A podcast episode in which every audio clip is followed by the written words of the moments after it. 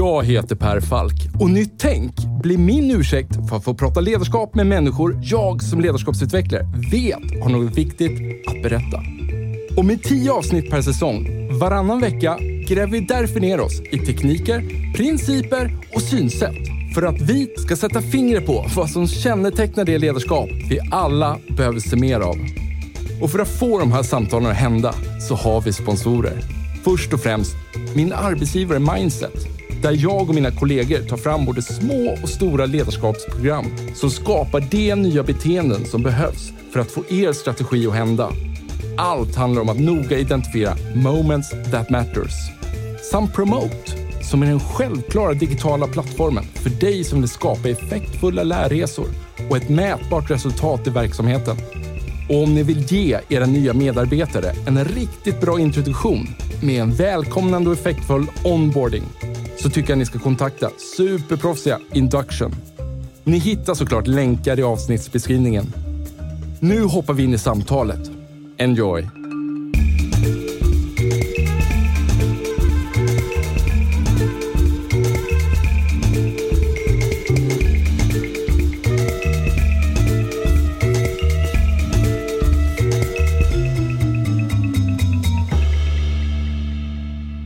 Hatar det här ögonblicket precis innan man startar. Och sen är det, men när jag vet att vi är igång, då försvinner stressen överhuvudtaget. Det är som att bada i kallvatten. Ja, eller liksom kastas ut för någon brant eller vad som helst. Varför, kan Just. du känna likadant? Som, Ja, men det kan jag faktiskt. Det kan jag faktiskt. ja. Mm. Då, då, då gör vi det tillsammans. Vi- vi gör det vi, vi, vi, bara rycker igång där. Du, så här. en av den eller kanske största fördelen för mig, eh, som jag känner att ha en egen podcast, det är att när man läser något intressant eller hör om något intressant, då kan man skicka mejl till den personen och säga att jag skulle vilja träffa dig för att veta mer. Och allt som oftast så säger den personen då, ja, vad roligt, jag kommer gärna. Och det var ju lite så, så det här började också. Nu sitter ju du här. Och jag tänkte så här, du får bara börja med, var, varför tror du jag har bjudit in dig? Och vem är du, Maria? Oj, det är en stor fråga. Jag tror att du har bjudit in mig för att du är nyfiken på eh, lärande och utveckling och hur man kan nå sin fulla potential för att eh, tala i små ord. Lite där någonstans. Tror jag. Och veta så här, forskningen bakom det här också, att det faktiskt finns bevis för att det, man kan göra bättre eller sämre grejer om man vill nå dit. Vad är din roll på Svenska Dagbladet? Min roll är just nu eh, lite spretig, höll jag på att säga. Jag, jag, jag är egentligen från början civilekonomen som blev journalist och som eh, till slut eh, via liksom roll som eh, nyhetschef och några år i sydamerikanska djungeln och narkotikamarknaden, höll jag på att säga, landade i att jag blev totalt besatt av forskningen runt just lärande och utveckling faktiskt. Ja. Och nu driver jag en podd också på svenskan parallellt som jag jobbar med de här frågorna vetenskap, som vetenskapsjournalist. Vad heter podden? Podden heter Dagens story och fördjupar ett, i ett eh, nyhetsämne varje dag. Ja. Men den är inte kopplad mot din roll som vetenskapsjournalist då? Nej, det är den Nej. inte. Och det hänger ihop rätt så mycket med allt det här som jag tror på. Att man kan utvecklas och göra massor med grejer. Och all vetenskap som säger att vår hjärna är plastisk. Ja. Den förändras utifrån hur du använder den. Du, eh, normalt så brukar vi liksom ha ett, ett tema i eh, varje avsnitt. Och jag tycker så här att jo, men det blir ett tema här också, men den röda tråden kommer vara liksom så här, lite krokigare här. För att jag har ju då, som sagt, jag, jag, jag har läst din bok, jag har läst dina artiklar och så har jag valt då, jag tänkte att vi gör lite, som, lite nedslag i olika texter som jag tycker det finns en koppling till i, liksom, i ledarskapet eller som chef. Men vi kommer också prata lite om hur man stödjer sina barn i deras lärande och presterar i skolan. För jag tycker det finns en koppling där också. Det gör det definitivt. Så då tänkte jag så här, tre faser i det här avsnittet. Vi, vi börjar med att prata lite om en oväntad vinkling på högt IQ. Och sen så efter det går vi över och pratar lite effektivitet, högaktuellt. Och så avslutar vi med just den här din bok Supermetoderna och hur man ska stödja sina barn i skolan. Hur låter det? Det låter bra. Ja, Vi kör. jag tycker så här, vi lägger in en länk till de artiklar vi pratar i direkt i podcastbeskrivningen här. Och vi börjar prata om den här artikeln som jag vet fick väldigt mycket spridning och som kallas för, eller som handlar om vad du kallar intelligensfällan. Vad handlar det här om? Ja, men det handlar egentligen om att eh, vi, hur vi agerar och reagerar och vad vi gör och så vidare handlar ju inte bara om vår intelligens utan det handlar om att vi påverkas av en, en massa andra saker. Mm. Det kan vara våra fördomar och förutfattade meningar och så vidare. Men det kan också vara det här som man pratar så jättemycket om med filterbubblor och så vidare. Vilken information som jag tenderar att ta till mig och vilken fakta som jag tenderar tycka är viktig och eh, till och med sann. Och också hur lätt eller svårt jag har för att ändra åsikt när jag väl har bestämt mig för någonting. Att allt det här finns också där och påverkar våra beslut och vad vi anser om människor, eh, hur vi ser på eh, de vi intervjuar i en anställningssituation, hur vi uttrycker oss eh, politiskt eller vad vi tycker politiskt eller om klimatfrågan eller, eller vad det kan vara. Begreppet bias, pass, Exakt. passar det in i det här? Precis, det är just det som det handlar om. Ja. Och en av, de här, de, en av de mest intressanta grejerna tycker jag är just, just det här hur vi alltid tenderar att eh, ta till oss den information som stödjer det vi redan tycker. Mm. De, eh, de åsikter som vi redan har. Och det här finns, eh, det är många studier som är gjorda på det här så att det är inte något som bara är påhitt. Liksom. Confirmation, bias. Confirmation bias, Ja, ja. exakt. Eh, Det är ju det här att om du, eh, du har argumenterat väldigt mycket för, säg en politisk sida. Liksom. Du, du är påläst, du driver det här i diskussioner med dina vänner och på Facebook eh, och så vidare. Och svårigheten här blir ju då att om det kommer in information som visar att du är kanske ute och cyklar eller du har fel i vissa fall eller det här inte är så bra, så blir fallet ganska högt för dig. Alltså ju mer du har investerat i det här, desto svårare är det att, att lämna den här åsikten liksom, och ta till sig Det blir annat. lite min identitet. Ja men precis. Kanske, och vem jag precis. är Så ju och- mer man bygger in det i sin identitet, desto knepigare blir det. Mm. Det är ju sannolikt ett skäl till att man, så här, man, man byter sällan kan ju finnas andra skäl förstås, men så här, mellan block till exempel. Eh, klimatskeptiker är ofta det, om man är det en gång. Det spelar inte någon roll egentligen om det kommer fram nya forskningsrön som, som då säger emot det du tycker, för det går alltid att hitta någonting som, som stödjer det du tycker. Ja. Så är det nästan alltid med, med internet idag och man kan ju själv då välja hur källkritisk man, man är till exempel. Ja. Och kanske tvärtom då, då, om man inte är klimatskeptiker så... Så tar man, tenderar man att ta till sig kanske sådana forskningsrön och så vidare. Så det är ju verkligen åt båda håll, eller höger eller vänster om vi pratar politik. Och eh, just det här att det, det kallas intelligensfällan. Att ju mer påläst du är, ju mer kunnig du är liksom, och, och eh, du tar till dig forskning och så vidare, så tenderar du nästan att istället för att då vara öppen för nya argument, att du blir ännu mer, det blir ännu mer polariserat. Att du tenderar ännu mer att hålla fast vid den här åsikten som du redan har. Så bara det att man då är Eh, har ett högt IQ är långt ifrån ett bevis för att man, man på ett objektivt sätt tar in information. Så att det är verkligen ingen säkerhet att bara för att man är intelligent så, så gör man inte de här, de här misstagen. Eller, utan det är snarare tvärtom. Att ju, ju smartare du är, desto bättre kan du argumentera för din tes. Både för dig själv och för andra. Så att Just man det, tenderar den då... interna diskussionen Ja, där exakt. man eh, rättfärdigar någonting kanske. eller? Ja, och du anser kanske ofta då om du är väldigt högutbildad eller vad det kan vara, att du är ganska smart och klok person och du vet min sann och så vidare. Så det här gör att man har sett faktiskt att eh, mer intelligenta personer tenderar att ha en större blind fläck om man kallar det för det, eller så här, tenderar att falla eh, djupare i just det här, eh, framförallt när man handlar om det här confirmation bias. Förmodligen är man kanske också rätt duktig inom ett område. Och då kanske det där blir också någon känsla av att eftersom jag är jäkligt duktig på det här, då när man ställs och ska ha, tycka någonting om något helt annat område, så kanske man bara på något sätt utgår från att jag kan det också. Precis. Det är en annan sån här grej som man faktiskt har sett också i studier. Att, att man just tenderar att om man är väldigt, eh, väldigt duktig och kanske har en hög utbildning eh, inom ett område så tar man sig rätten att applicera det här på andra områden där man kanske inte har någon kunskap alls. Jag, jag läste en annan undersökning som handlade om alltså så här, ja men hur, alltså någon, eh, hur forskningspengar anslås i USA. Och ju mer senior man är inom sitt område, desto mer ovillig är man att tillskjuta forskningspengar som skjuter på ett gammalt problem från en helt ny vinkel.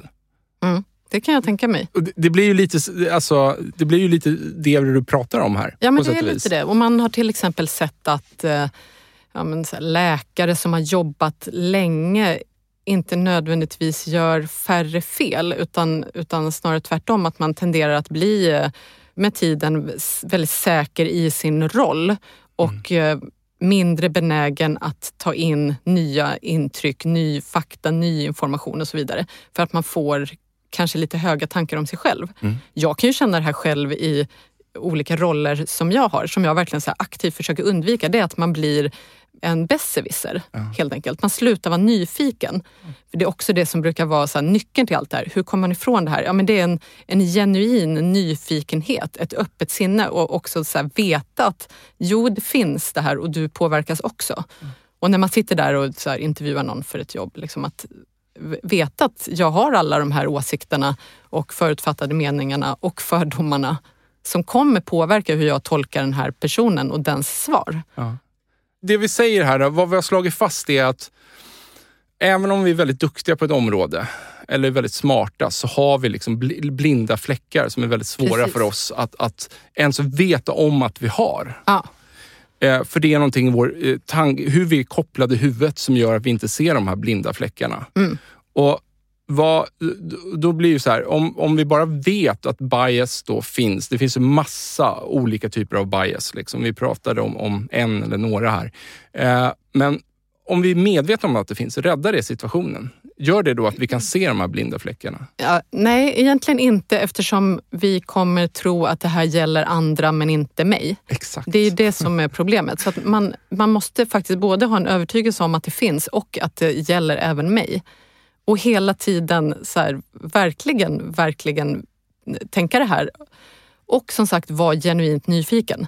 Det är faktiskt det enda knep skulle jag säga. Så här, inse att det finns, det gäller dig och var nyfiken och ställ de här frågorna till dig själv. Tvinga dig liksom. Och, så här, eh, läser jag det här och tycker jag att det här är bra och vettigt för att jag redan anser att. Ja. Liksom någonting jag funderat på när man ska ta liksom, tyngre beslut och kanske sitter då i, runt ett mötesbord. Skulle man kunna ta alltså, varandras alltså argumentera ur varandras perspektiv. Ja, men det är, ju ett, det är ju ett väldigt bra knep. Det är ja. faktiskt ett sånt knep som man ibland lyfter fram också. Ja, hur, att man byter roller. Ja. Att så här, om du ska hur går det till praktiskt? Ja, men då kan man ju faktiskt bara bestämma att nu, nu har du den här åsikten och argumenterar utifrån det. Det kan ju vara att man, man eh, ska lösa ett problem tillsammans. Ofta är man ju en, en ganska homogen grupp. Liksom. Så att det här är ju oerhört bra för att ta in andra aspekter också i alla sammanhang och verkligen bara så här, dela upp rollerna och argumentera utifrån dem och tänka utifrån de personerna. Det finns någon sån här eh, antingen är det så här eller så har jag drömt det eller så har jag missuppfattat det. Jag vet inte. Men no, no, du vet så här, redan de gamla grekerna grej då vad, vad gäller retorik. Att när man då stod och hade en debatt på något torg på den tiden så, så under debatten så skulle liksom eh, mottagaren av ens argument skulle repetera argumenten som den förstod det. Har du hört talas om det här eller? Nej. Nej, men, men, då, men det är men, spännande. Ja, men alltså, jag tycker det här det skulle man kunna ha som ett princip inom en arbetsgrupp eller en ledningsgrupp eller någonting inför beslut. Att, som jag har förstått det då, att står vi här och debatterar och då när jag har liksom lagt fram mina argument och så, så är det din tur. Då ska du säga så här, okej okay, Per, jag uppfattar det som att du eh, liksom försöker säga det här. Och då måste jag godkänna att, ja men bra, nu tycker jag att du har förstått vad jag menar. Och då går vi vidare i debatten. Då börjar du lägga fram dina argument. Så man inte pratar förbi varandra Nej. utan man möts ja, någonstans. Men, ja men det där går ju att göra liksom en, en, ja, men en princip av på något sätt och formalisera. Ja men verkligen, för det är ju ett annat problem att man, man tror att man uppfattar varandra men man, man säger inte samma sak som den andra hör. Nej. Ja. ja, jag läste någonstans också, eh, och vi, vi har, eh, begreppet empati är någonting som återkommit här i flera avsnitt, eh, speciellt säsong ett. Men den visade då den här undersökningen att aktiehandlare, eller vad säger man? Alltså så här, hedgefondförvaltare som hade en hög grad av empati var också effektivare i sina investeringar. Förklaringen där ansågs vara att har man en hög grad av empati så är man för det mesta också ja, men man är skicklig på att, att identifiera vad känner jag mm. just nu. Mm. Och i och med att jag kan identifiera vad jag känner så blir man lite bättre på att förstå om mina känslor just nu påverkar mitt beslut eller inte. Medan en person med lite lägre empati kan inte identifiera, man har ju, alla har ju känslor, men mm. den personen är även svårare att identifiera vad jag känner just nu och varför jag gör det. Ja, men det man brukar dela in det i två delar. Liksom. Så här, förstår du vad jag tänker och förstår du hur jag känner? Ja. Alltså att man så här, har mottagaren då. Liksom. Sätta sig in i den situation, både hur den uppfattar det här men hur den då känslomässigt tar emot det. Att det och det handlar ju just om empati och graden av empati. Jag, jag tänker också på um, han Kahneman. V vad heter det? Han är väl nobelpristagare? Är han inte det? Jo, det är han. Ja. Eller ekonomipriset, och man får väl kalla för Han har ju forskat mycket på bias mm. och han skrev ju den här klassikern Thinking fast and slow eller slow Precis. and fast. Ja. Jag, jag, kommer inte ihåg. Men det är något snabbt och långsamt. citat som han sa någon gång som har bitit sig fast. Och det, det är så här, vad gäller just bias, att så här, jag kommer inte ihåg exakt hur det var, men det var något i stil med så här, I have been studying bias my whole life. Honestly, I can't say I've been better in avoiding them. Nej, och, nej, det, men, och det säger ju väldigt mycket. Det säger ju allt. Ja. Uh, scary och, och, stuff. Precis. Nej, men bara det är ju en varningsklocka, höll jag på att säga. Nej, men just det här att även om man tror att man är medveten om allt det här så är man ju sannolikt inte det i den grad som skulle behövas för att man inte skulle påverkas. Och Sen så vet jag att du så här, skrev en artikel som också handlar om IQ, men där rubriken var något i stil med att vi, vi får lägre och lägre IQ. Mm. Är det så? Ja. Bör vi vara oroliga? Lite. Eh, ja, men vi skulle faktiskt kunna vara lite oroliga. Ehm, om man backar lite så, det var en, eller är en forskare som heter James Flynn och han var den som först upptäckte att vi blev smartare och smartare för varje generation. Och det här har man kunnat se till exempel mycket så här i Norden på de olika testerna man gör när man mönstrar eller har gjort till exempel. Mm. Så då så såg man... Bra underlag historiskt. Precis, där, liksom. precis. Ja. man har kunnat följa det här eh, i många decennier. Mm. Och så har man då sett att IQ ökar men nu för bara eh, något, ett par år sedan så såg man att det gör inte det längre faktiskt, utan det har stannat av. Och då kommer man ju tillbaka till hela den här frågan, så här, vad, vad är IQ? Liksom, hur mäter man IQ och så? Ja. Och då har man ju trott att det är en del som liksom är kopplad till så här, det du kan och det du har med erfarenhet lärt dig. Men att det är en del som, som är hur du liksom löser logiska problem helt utan förkunskaper inom det egentligen. Men det man har sett, och den första delen är ju ganska självklart att den påverkas av till exempel utbildning. Men det man har sett är att även den här andra delen, hela intelligensbegreppet egentligen, ja. eller intelligenskvoten, förbättras av skola och utbildning. Och det man har sett förr, liksom, det är ju att våra skolsystem har blivit bättre. Våra jobb har blivit mer, eh, kräver mer av vår hjärnverksamhet. Liksom. Mm. Men att det någonstans har stannat av. Och då när jag gick tillbaka och pratade med den här James Flynn, liksom så här, vad tror du är skälet till det här? Då tog han ju som exempel att eh, dels då att så här, våra utbildningssystem har inte blivit särskilt mycket bättre sista åren. Nej. Snarare kanske tvärtom. Mm. Man har också sett, och det är ju lite extra skrämmande, att den här eh, att kurvan har börjat peka neråt är särskilt tydligt i Norden och Skandinavien där, där man faktiskt också då har, det har gått uppåt fortare innan. Ja.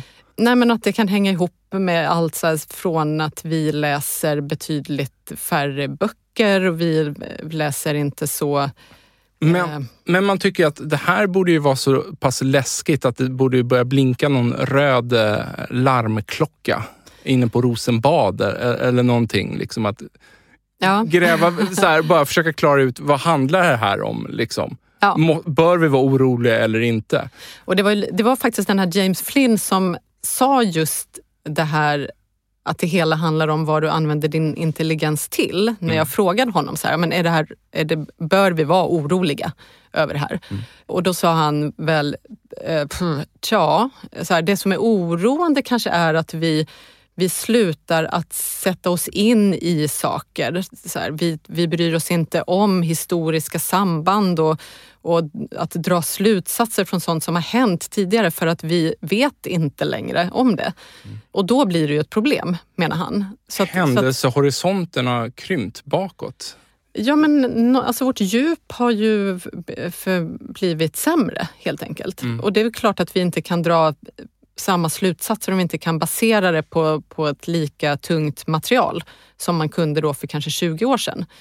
Det handlar ju till stor del om bildning. Liksom. Fanns det några delar inom IQ-begreppet som, men där vi har blivit bättre då? Jag tänker mig, jag vet inte, jag tänker mig att IQ består av en mängd olika typer av under-IQs. Sjunker alla? Man brukar dela upp det i, i två delar egentligen. Och det är något som man kallar kristalliserad och flytande IQ.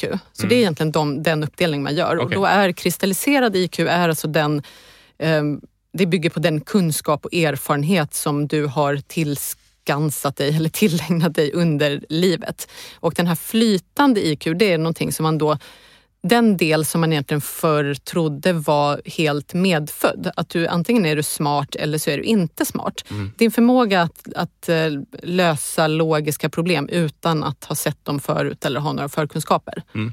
Helt enkelt. Det, det finns ju olika, så här, det man tänker på IQ-test, de här mönstertesterna som Ravens matris och så, ja. det till exempel. Och där har man sett att det är eh, båda de här som går ner. Ja. faktiskt. För man kan ju annars tänka sig att det är den här delen som, som mäter kunskap och erfarenheter då, till exempel. Men det är, jag har sökt efter några ljushoppar, några ljusglimtar. Ja, nej men just i det här så finns det inte så många ljusglimtar. Det man kan säga är ju att andra länder som är, har varit mindre utvecklade ja. ser en, en kurva som går uppåt. Ja. Att, att man då tack vare att man eh, får en högre bildning i, i befolkningen. Liksom. Mm. Skolorna blir bättre, fler får gå i mm. skola och så vidare. Så ser man också att IQ ökar. Så att det positiva är ju att andra gör ju den resan mm. nu. Ja, men, men, jag kan inte låta bli att tänka att så här, när jag, eh, min son, han är eh, sju han fyller snart åtta. Och nu ska, jag, nu ska jag inte låta som någon, någon förälder som tycker att just sitt barn är en underbarn, utan jag tänker på honom och hans vänner. Så är det många gånger som det slår mig att jag bara tycker att de är så jäkla smarta. Jag kan inte se framför mig att, att jag var på samma nivå som dem när jag var samma ålder. E- eller, Nej, jag vet inte. Eller lurar jag mig där? Eller, eller att jag vill? Det är kanske alltså, min blinda fläck. Tror... Jag ser vad jag vill se. Mm. Jag tror faktiskt... Jag tror inte att han har hunnit påverkas så mycket än. Jag har ju jobbat under några år som, eh, och bevakat eh, skol och utbildningspolitik till exempel som journalist. Mm. Och en grej som ju har blivit väldigt, väldigt tydligt är ju den tid som vi lägger på sociala medier eller eh, Playstation. liksom, som så här, du och jag kanske la på att läsa böcker. Mm. För, inte för att vi var übersmarta, men för att vi inte hade så mycket annat att göra. För det fanns ingenting på TV mm. i stort sett. Och det här får ju effekter. Och sen kan det ju få andra effekter också. Men det är klart att det påverkar, mm. tänker jag. Mm, mm. Jag kan inte låta bli att fråga dig, bara så här, skärmar, bra eller dåligt?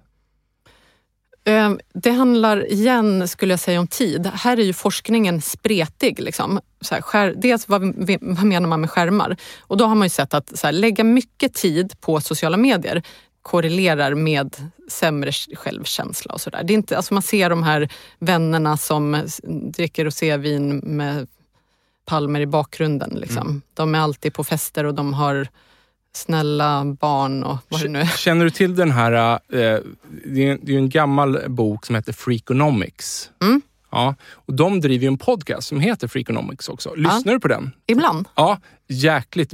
Eller jag tycker den är, Mm. Ja, den är jäkligt, jäkligt bra. Väldigt allmänbildande och lyssnat. Och är inte, är inte någon av dem typ Nobelpristagare också? Där. Jo, eh, men jag minns inte vad han heter. Men det är väl en... Steven Dubler. En, aj, aj, Ja. jag, jag vågar inte heller säga. Nej. Men, men så här, vi kan väl båda säga att två väldigt seriösa killar. Mm. Så, så att när de säger någonting så för det mesta så jag tror att det finns någon djupare liksom, forskning eller liksom någonting. Och ibland så tycker jag de är väldigt eh, så här, ärliga och säger så här, ja, men, så här, datan visar knivs, eh, knivas det här. Men vi kan inte säga vad det beror på. Liksom. Vi, vi bara har de här orsakssambanden. Men det jag skulle komma till, jag lyssnade på en episod där som fick mig att haja till. Som handlade just om skärmar. Och det de sa att det finns det är såklart att sitter du och spelar dataspel för mycket så är inte det bra. Precis som att det inte är bra att göra någonting för mycket. Men just vad gäller så här, psykisk ohälsa så såg man ett knivskarpt samband med sociala mediers intåg.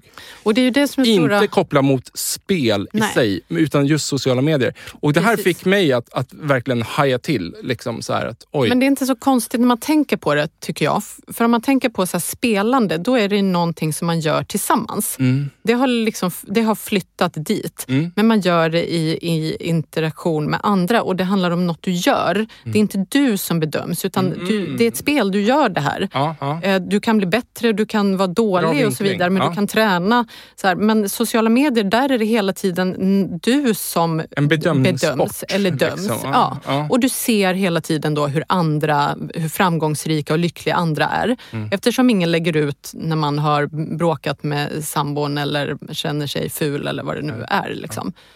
Så där är ju, jag, och, och en annan grej som jag brukar lyfta det är ju just här, tiden du lägger ner på det Ja. Istället för att göra sånt som man då så bevisat mår eh, bättre av. Som att sova fler timmar, att eh, motionera, att träffa vänner. brukar vara de grejerna man, man lyfter. Liksom. Det verkar ju vara framförallt tjejer som fastnar i det Ja. och killar ägnar mer tid åt att spela. Ja. Så därför har man också sett att tjejer verkar påverkas då sämre av skärm. Mhm. Men jag tror det går verkligen inte att säga skärm. Skulle jag säga. Eh, vi, vi fortsätter de här tvära hoppen här, för att när vi pratar om Freakonomics, en annan eh, episod som verkligen bet sig fast där och eh, du kanske har hört det här också eller, eh, i annat fall, men det var från John Hopkins universitetssjukhus och de gjorde ett forskningsprojekt och där de ville se så här att när vi har hjärtläkarkonferenser, har, har du hört talas om det här? Eller? Nej? Nej, jag tror inte det. Ja, men när vi har hjärtläkarkonferenser i landet, så här, alla topp hjärtläkare åker till Las Vegas. Jag hittar på nu. Så här. Sätter vi patienter i risk då? För vi, vi dränerar ju hela USA på de främsta experterna.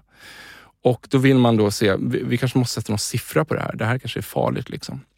Och så kom datan tillbaks och då visade det sig att nej, dödligheten sjönk när det är hjärtläkarkonferens. Och då tänkte man så här att nej men så här, det är inte möjligt. Det är verkligen inte möjligt. Så här. Det, det finns någon, så här, vad brukar man säga, blackbox eller liksom någon variabel som vi inte... Något Fattar. annat som korrelerar som Ja, inte... exakt. Att hjärtläkarkonferensen då är på en viss del av året när dödligheten i hjärtsjukdomar ändå så här, dyker. Eller något sånt. Men då såg man när man gick tillbaks historiskt sett och såg att och började ta hänsyn till den faktorn att hjärtläkarkonferenserna låg på olika delar av året och sådär och, och vägde in den faktorn. Så kom datan tillbaks igen. Och så såg man igen samma spår. Att när den bästa hjärtläkarna lämnar kliniken och överlåter till mindre, eller liksom mindre erfarna, ska man säga, så går dödligheten ner hos patienter som kommer in med någon typ av hjärtåtkomma akut. Och där var jag säga vad jag tror då? Ja, men så här, för Ja. att de, där var typ en sån episod där de då sa så här att Det verkar vara så. Vi har ett antal hypoteser, men vi vet inte vad det är. Men vi kommer gräva vidare i det här. Va, sjukt. vad vad tror tror? du spontant? Ja. Ja, men jag tror dels att det är det här som vi pratade om tidigare. Det här att man är väldigt erfaren. Vilket gör att man ofta går på magkänsla. Att så här, har man jobbat som någonting jättelänge, då kan man det här. Man, man kanske ser mönster som inte alltid finns. Alltså man har inte de här kontrollmekanismerna längre för att verkligen så checka, är det, har du gjort alla de här grejerna? Utan man går på magkänsla och tycker att man kan det. Det är en sån grej. Och, och, men och det här med så här, intelligensfällan också. Liksom, att man tenderar att eh, man vill inte fråga någon annan kanske, utan man kör på. Så, det var min teori. Ja, ja och, och, de, nej men så här, återigen, de hade ju inget svar. Men, men så här, det här var en av de teorierna de hade. Samt att eh, en annan teori var någonstans att, eh, eh, att när, det, när den... De andra säga? skärper När- sig när chefen är borta. Dels det, och i kombination med att man slappnar av när man vet att det finns någon som kan ämnet bättre. Eh, Så då behöver jag bara göra som den personen säger. Just det. Och framförallt så vi- vill jag ju gå och söka den personen, särskilt när det är liksom akut. Då är det den personen jag går och frågar. Mm. Och sen gör jag som den personen säger. Här måste jag ju ta ett eget beslut. Mm. Och då var det, då, det spåret spretade också. Då, då menar man att det kanske också kunde vara så att de här seniora hjärtläkarna, att det är så viktigt för dem att alltid ha svar inför de juniora läkarna. Så att så fort det kommer in en hjärtpatient så, så tar han eller hon ett beslut direkt. Mm. Medans den juniora hjärtläkaren då menar de kanske är lite coolare och väntar lite. Hur kommer det här utveckla sig? Och sen tar ett beslut. Men det, är här, det är rätt spännande Det det, är där. jättespännande. Ja, det, det kanske är en artikel. Du, det skulle det faktiskt kunna vara. Ja, Jag skriver ner det här. Jag, jag, jag, jag, kan göra så jag kan leta upp det avsnittet till dig och så skickar jag. Ja, men gör det. Ja, det, det, vore ju, då- det känns lite som att jag har fått in min första artikel i Svenska Dagbladet. Precis. Jag kan nämna dig på något sätt. Ja, men det, Kanske. det, det, ja, det, du kanske inte Kanske vågar lova det. Du får, du får göra det om du vill. Eh, du, nu gör vi så här då. Den här röda tråden då som inte skulle vara spikrak. Nu, nu blir det en knut på den då. För nu tänkte jag så här, nu, vi lämnar IQ och så pratar vi lite om eh, personlig effektivitet. Det är ju spännande. Det är ju spännande och där har du också skrivit väldigt bra grejer och det roligaste egentligen så här, höra vad, så här, vad har du ställt om i dina vanor efter det du har lärt dig? Jag lär mig så mycket hela tiden av de här grejerna. Mm. Just vanor, att skapa nya vanor eh, och få bort dåliga vanor är väldigt, väldigt spännande tycker jag. Mm. Så man kan ju prata om det på några olika plan. Alltså, så dels här, hur får jag en effektiv arbetsdag till exempel? Och då är det ju här grejer som att eh, kolla inte mejlen din bästa stund på dagen. Mm. Man vet ju egentligen när man är som mest produktiv och effektiv. Mm. För mig är det på före klockan ett. Kan Mm. jag, säga. Mm. jag skulle säga att efter 15 så är jag hälften så smart. Mm. Det här finns också en massa studier som visar faktiskt att vår intelligens skiftar över dygnet och det hänger ihop med allt med blodsocker och sömn, och, men även annat verkar det som. Men just det här att gör inte eh, slentrian nonsensgrejer på din bästa tid. Din bästa tid är då du ska göra sånt som kräver din hjärnverksamhet. Mm. Så spara inte det. Mm. Det andra är ju att eh, använda sin kalender. Det är väldigt... Eh, och då tänker man så här, ja det är väl klart jag skriver upp möten i kalender. Okej, men skriver du upp när du ska sätta dig och skriva ett synopsis på den här boken som du har tänkt i fem år att du ska skriva. För det här kommer aldrig hända om du inte planerar din, din tid. Och det är ju det här med så här, vi löser ju ofta lättare uppgifter först. Liksom. Vi sparar det som är jobbigt. Så vänd på det, så här, gör det jobbiga först. Gör det jobbiga på din bästa tid. Och är det riktigt stora grejer, när jag tänker ibland så här, kommer det hända att jag plötsligt en dag sätter mig vid datorn och bara gör det här? Eh, nej, då lägger jag in det i min kalender. Och det, det är ett måste faktiskt för att det ska ske. Det är ju inte så att vi säger åh jag får feeling, jag bara skriver den här boken nu. Det kommer inte hända utan då måste man planera Ja, det, det. där är väl så här, är inte det eh, standardtipset till unga nya författare, eller behöver inte vara unga för den delen också, just att inspiration kommer aldrig komma utan man måste bara börja skriva. Ja men så är det ju. Kreativitet, det är ju en myt att det bara så här, åh, på, jag vaknar på natten och bara eller vid midnatt. Så här, utan det är bara sätta av tid och vara kreativ. Liksom. Men välj din bästa tid på dygnet. Om den är vid midnatt så absolut. Ja.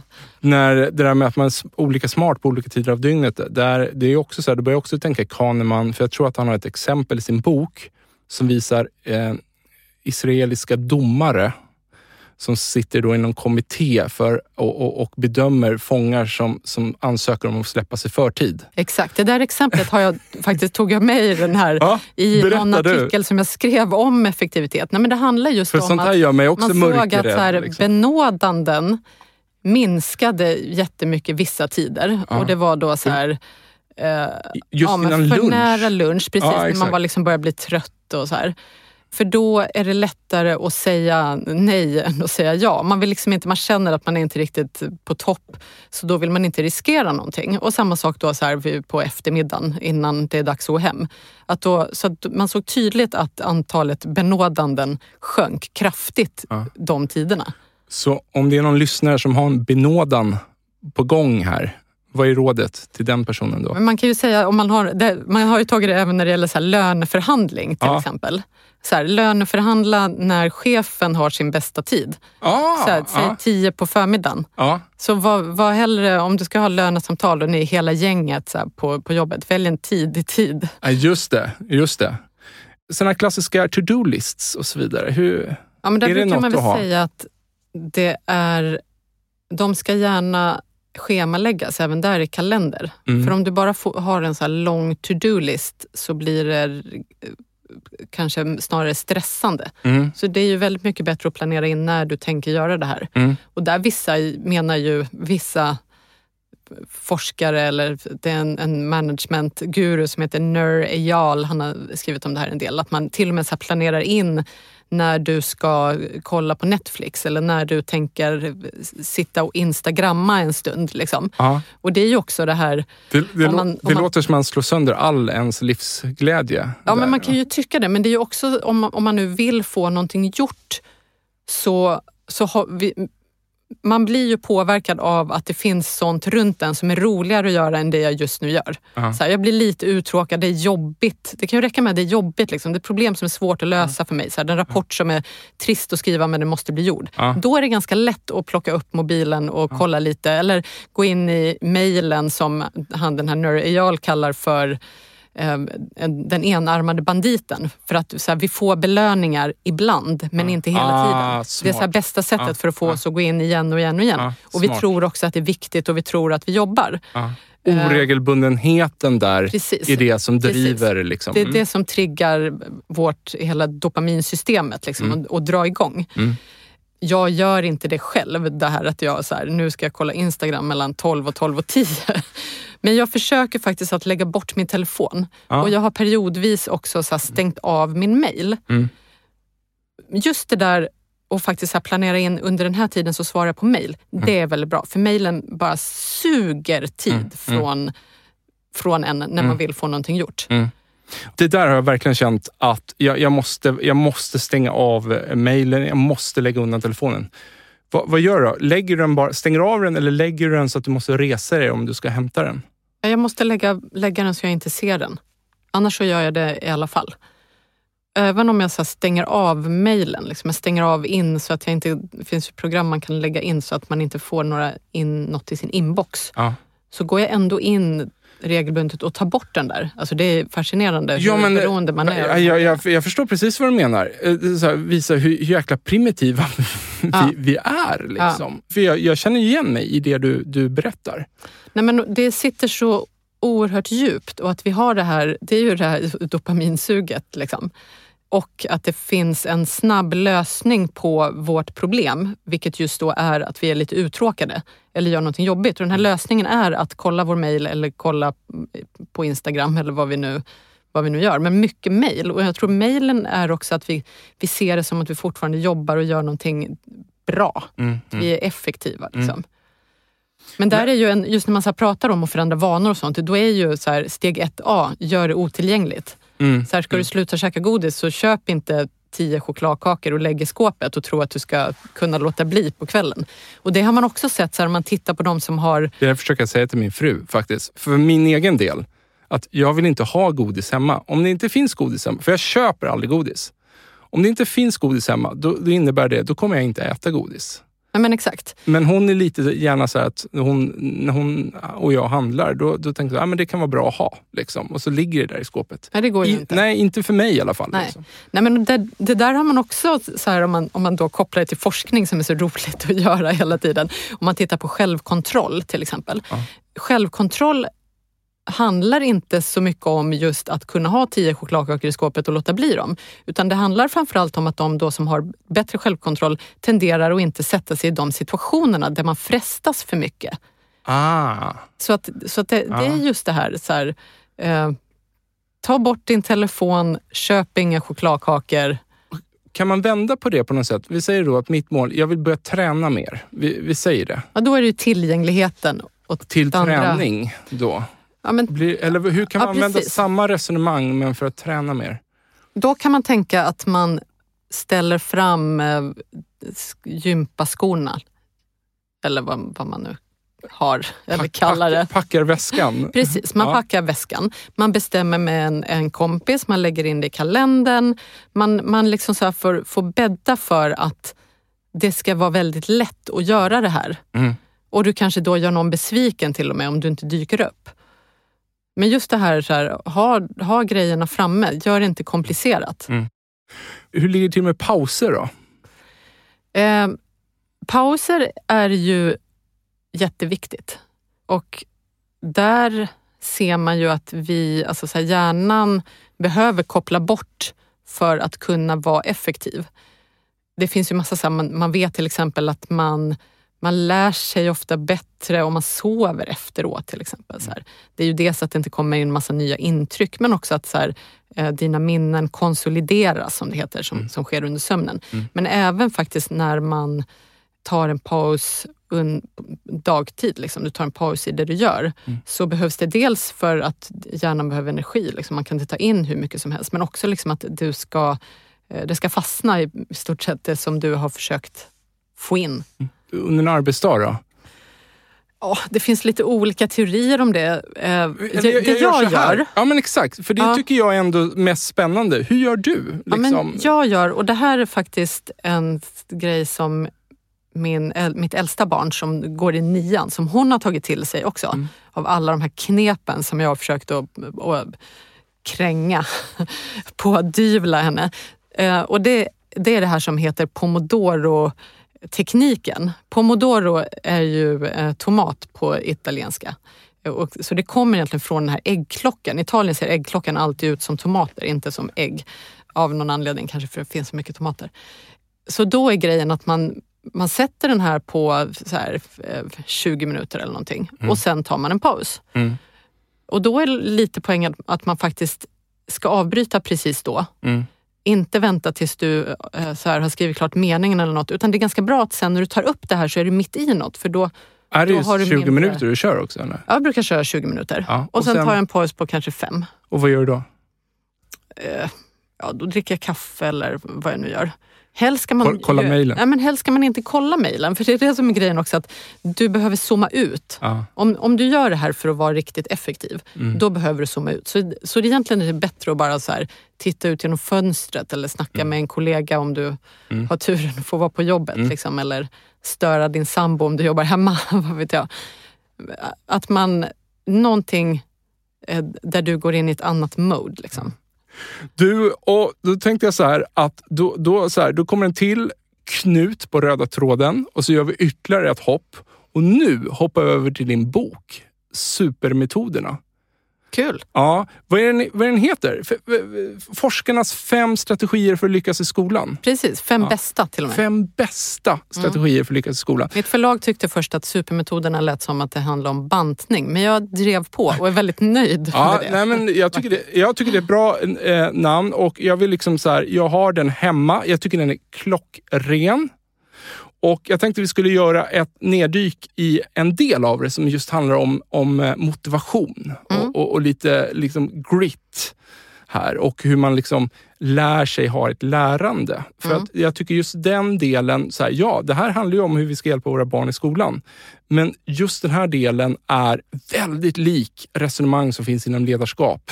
Hur man får till motivation, Definitivt. hur man ger feedback och så vidare. Och Det är det här som är så fascinerande. Liksom, två olika typer av forskarlag egentligen beskriver samma typer av fenomen, men de gör det i helt två typer av forskarvärldar. Och, och Mm. jag, vet, jag inbillar mig att de inte möts någonstans och de beskriver det här med lite olika ord. Men det är exakt samma saker de kommer fram till. Mm. Så med det sagt, om jag har förstått motivationsbegreppet rätt så brukar man ytterst prata om eh, inre motivation och yttre motivation och att den drivande parten egentligen är den inre motivationen. Precis. Den inre, liksom, ditt, e- det är ditt eget driv. Ehm, och det är den man vill få igång. För det är den som, som gör att vi kommer ta oss dit vi vill i stort sett. Så där har man ju, om, om man kommer in liksom på så här belöningar eller mutor eller vad det än kan vara. Det som händer då är att man, man tar bort, man ersätter den här inre motivationen med yttre motivation. Mm. Typ ofta pengar. Mm. Eh, Den mest klassiska yttre motivationen. Ja men precis. Ja. precis. Man har ju också gjort så studier på förskolebarn liksom, som har ritat och så har man plötsligt sagt att ja, men om, du, om du ritar nu då så får du en medalj sen istället. Ja. Ja, och då har de ritat och så har de fått en medalj och sen därefter så har de inte velat rita mer Nej. om de då inte får en ny medalj eller glass eller Ja. vad vi nu pratar om. Och det där verkar vara lite typiskt att för att den här yttre motivatorn liksom ska, ska funka för att driva dig framåt, Ja. då måste den dels fortsätta komma hela tiden, men den måste också öka i storlek. Och den verkar också då göra att ditt inre driv försvinner. Så det här som liksom var bara så någon lust att göra någonting, som att rita Ja. till exempel, då ersätts av så här lusten att få den här belöningen. Och det här ska vi också tillägga, det här gäller ju vuxna människor också. Ja men precis, man har gjort eh, sådana här studier även när det eh, gäller bonusar till exempel. Och, Ja, och, det mest ja, klassiska. precis. Så, att, så det är samma sak där, att just för att driva oss framåt mot något mål, oavsett om vi pratar liksom skola eller, eller på jobbet, Mm. så är det inte framförallt pengarna eller belöningen som, som är grejen. Som gör att vi presterar. Nej. Nej. Nej. Sen kan det ju funka så här, man kan ju bli, det kan ju sänka motivationen för att man känner sig dåligt behandlad, man har, vad det nu kan vara. Liksom. Ja. Men eh, man får inte igång det inre drivet av en yttre motivator som pengar. Så vad...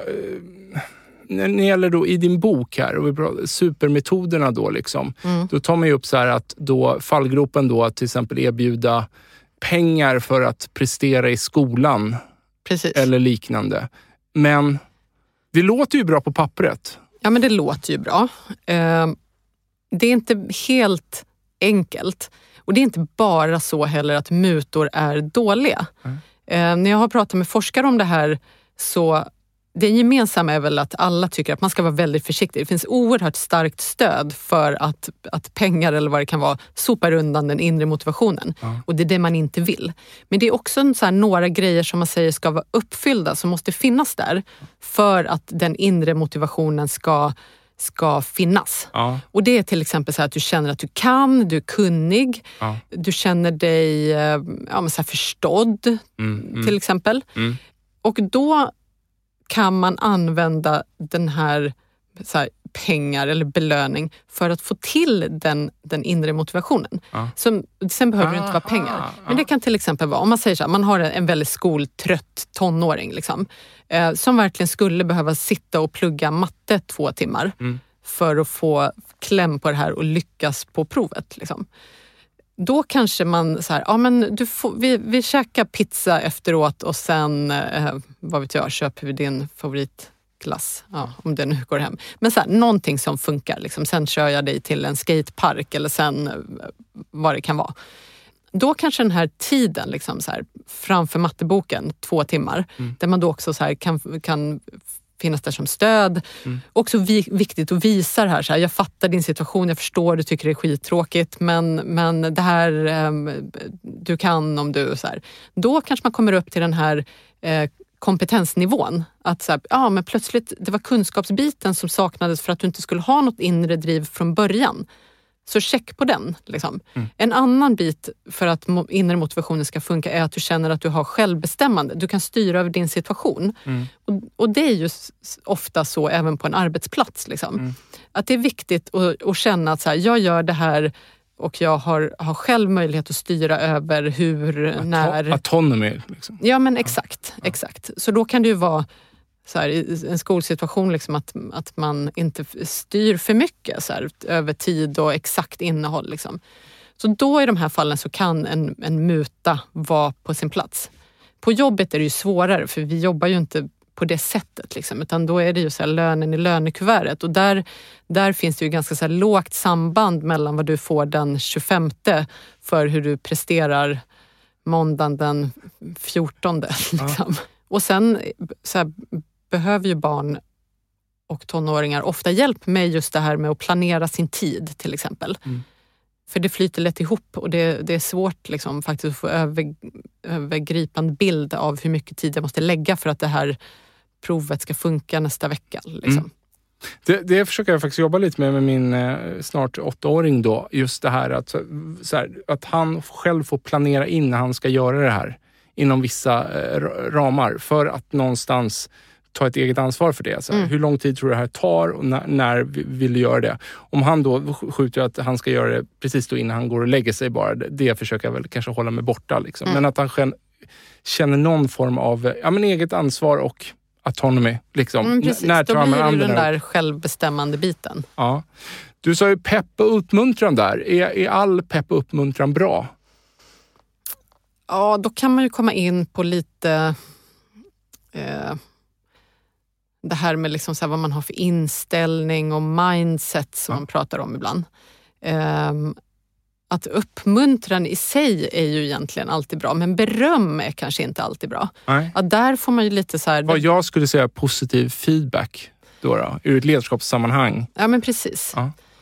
Nej, men, och, och där handlar det väl om att, att just så här, berömmet i sig, vad, så här, vad handlar ditt beröm om? Det man vill är ju egentligen att det är själva så insatsen, kanske så här, din kamp. Eh, att det är den du vill förstärka. Det här att du satsar på det här och du lägger ner tid på det här och det är du som eh, för att få det här att smitta av sig på andra områden sen. Det är ju dit någonstans man vill nå. Inte bara att så dunka in att eh, det är jätteviktigt hur mycket du får på matteprovet. Nej. Så- Utan att, att ge...